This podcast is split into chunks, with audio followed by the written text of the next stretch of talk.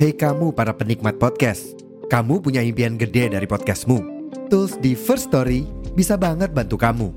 Mulai dari F-Link, Dynamic Audio Insertion, sampai statistik yang komprehensif, semua ada di First Story.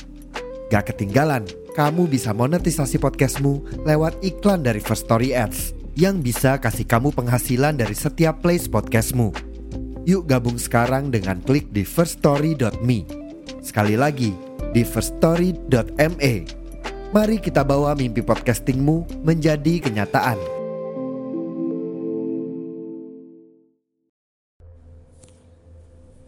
Assalamualaikum warahmatullahi wabarakatuh Listener podcast kisah lelembut semua Senang banget di kesempatan kali ini Aku kembali bisa menyapa Teman-teman listener podcast kisah lelembut semua Melalui episode terbaru di podcast kisah lelembut Nah ini episode yang terbaru dan yang pertama di tahun 2022 karena semenjak tahun baru aku belum upload episode terbaru ya. Aku terakhir upload episode terbaru itu bulan apa ya? Bulan November kalau nggak salah ya.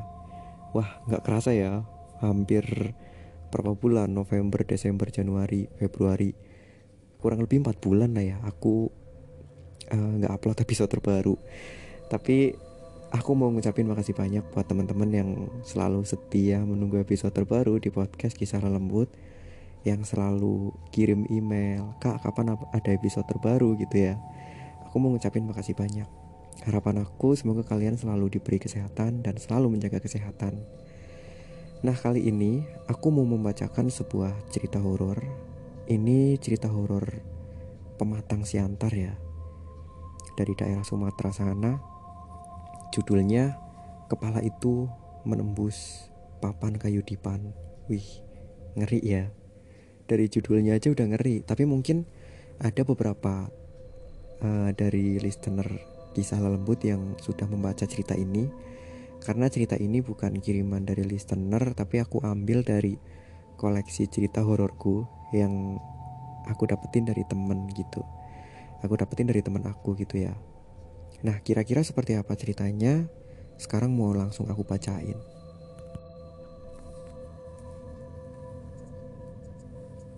saat usiaku 8 atau 9 tahun waktu itu Aku kelas 5 SD.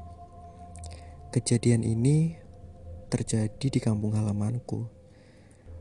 Tepatnya di Pematang Siantar, suatu kota Madia di Sumatera Utara, dekat kota Medan.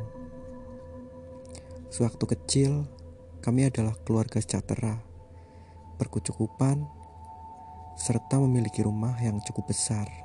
Namun rumah itu tidak bertingkat Rumah itu memiliki tiga kamar tidur. Namun memasuki umur delapan tahun, usaha ayahku bangkrut karena ditipu oleh keluarga sendiri. Bahkan ayahku memiliki hutang. Sehingga ayahku mengungsi ke sebuah desa yang sangat sepi selama beberapa tahun.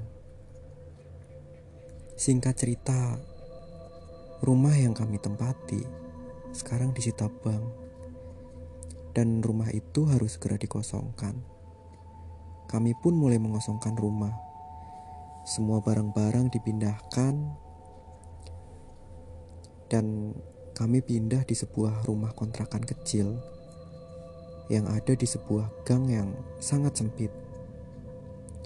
Listrik PLN serta pam air di rumah kami yang dahulu juga sudah diputus sehingga kalau malam begitu gelap gulita. Namun karena ada beberapa barang yang masih kami tinggalkan dan belum kami pindah, maka aku bersama abangku yang masih berusia 13 tahun masih menempati rumah tersebut. Walaupun kalau malam kondisinya benar-benar gelap gulita sehingga kami setiap tidur selalu membawa senter sebagai penerangan. Ranjang yang kami tiduri merupakan sebuah ranjang besi tingkat, di mana di bagian atas ranjang besi itu hanya beralaskan papan kayu. Di bagian atas tidak ditiduri, yang ditiduri hanya di bagian bawah ranjang karena hanya aku dan kakakku yang tinggal di rumah itu. Ranjang tersebut juga merapat ke dinding sebelah kamar dan di luar kamar itu atau di luar rumah ada sebuah kebun yang lumayan luas. Hari ketiga kami tinggal di rumah itu, aku mengalami kejadian yang sampai sekarang jika aku mengingatnya aku masih sangat merinding. Sekitar jam 2 tengah malam, malam itu aku terbangun.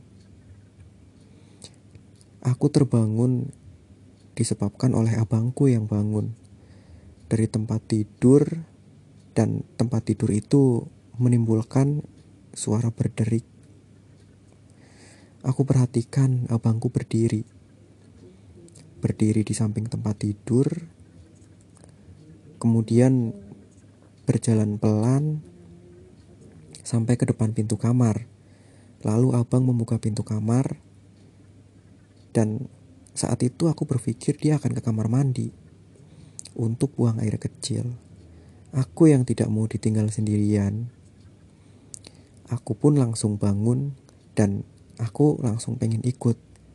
Karena kamar itu sangat gelap sekali. Senternya dibawa oleh abangku.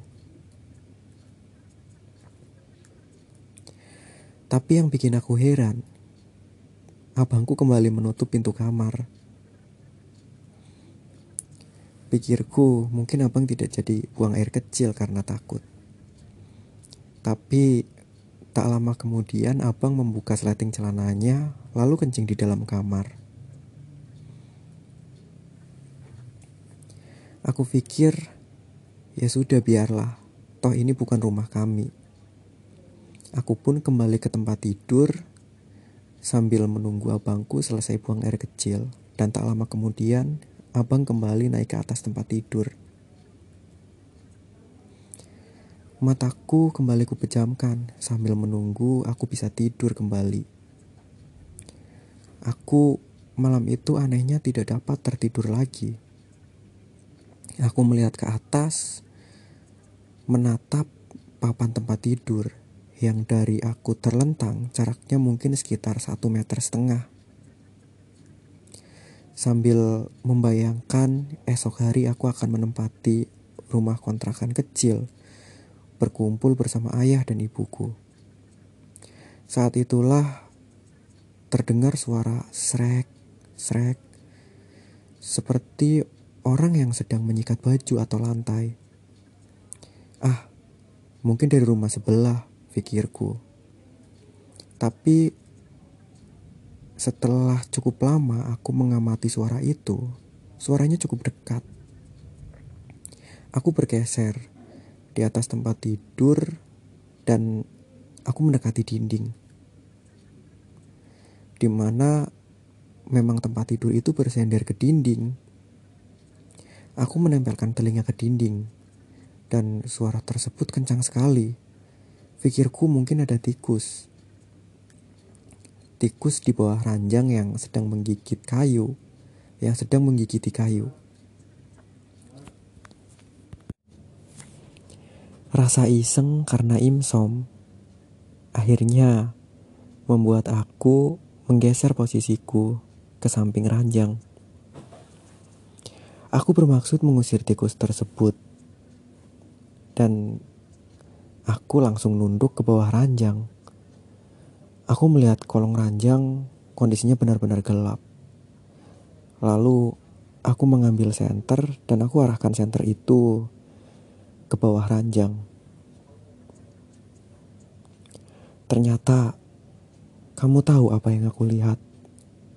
Yang aku lihat sepotong tangan sedang memegang sebuah sikat kayu, sedang menyikat dinding dan tangan itu bergerak naik turun. Aku langsung kembali meloncat ke tempat tidur. Dan aku langsung memeluk abangku yang entah mengapa malam itu tidurnya benar-benar sangat pulas. Tiba-tiba suara berhenti, tiba-tiba suara tersebut berhenti. dan keadaan kembali sunyi. Senter tetap aku nyalakan sambil aku berlindung di dalam selimut. Tak lama kemudian muncul suara lain. Suara itu berderik. Aku berpikir mungkin suara itu suara pintu yang dibuka abangku. Aku menyingkap selimutku dan aku berniat akan ikut kabur keluar. Tapi ternyata astaga, abang masih tertidur. Ia masih tidur di sampingku dan senter kuarahkan ke muka abangku. Berharap abangku akan terbangun. Suara berderik itu terdengar lebih keras. Dan suaranya memang benar. Dari dalam kamar dan tepatnya di atas tempat tidur. Di atas tempat tidur yang beralaskan papan kayu. Suara itu benar-benar jelas, seperti suara papan kayu yang beradu dengan besi tempat tidur. Suara itu persis seperti ketika ada yang tidur di atas ranjang kayu tersebut. Tanpa sadar, aku langsung mengarahkan senter dan mohon maaf tanpa sadar, aku langsung mengarahkan senter itu ke atas ranjang tepatnya ke papan kayu di atasku. Aku memperhatikan suara tersebut. Untuk kedua kalinya, aku tak dapat memalingkan wajah. Dari alas tempat tidur yang di atasku itu, keluarlah sebuah kepala dengan cara menembus kayu dan langsung wajahnya menghadap ke bawah, tepat menghadap ke tepat menghadap ke arahku yang posisinya sedang terlentang. Kami berhadapan-hadapan, saling berpandangan mata. Wajah itu merupakan wajah seorang laki-laki. Laki-laki yang berpotongan rambut pendek. Wajah itu berjenggot. Sekilas normal, tak ada keanehan di wajah itu. Hanya wajah itu kondisi matanya sedikit tertutup. Semuanya menormal. Yang paling membuat aku takut setelah kepala itu benar-benar sempurna menembus papan kayu.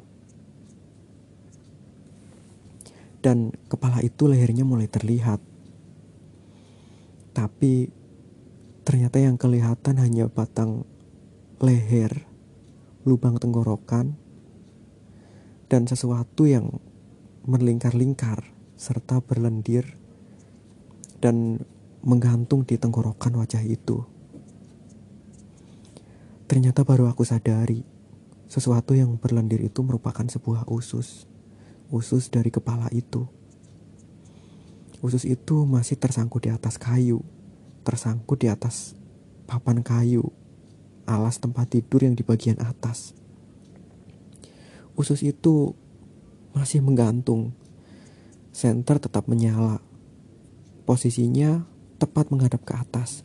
Karena aku sama sekali tak dapat memalingkan wajah, apalagi menggerakkan tubuh.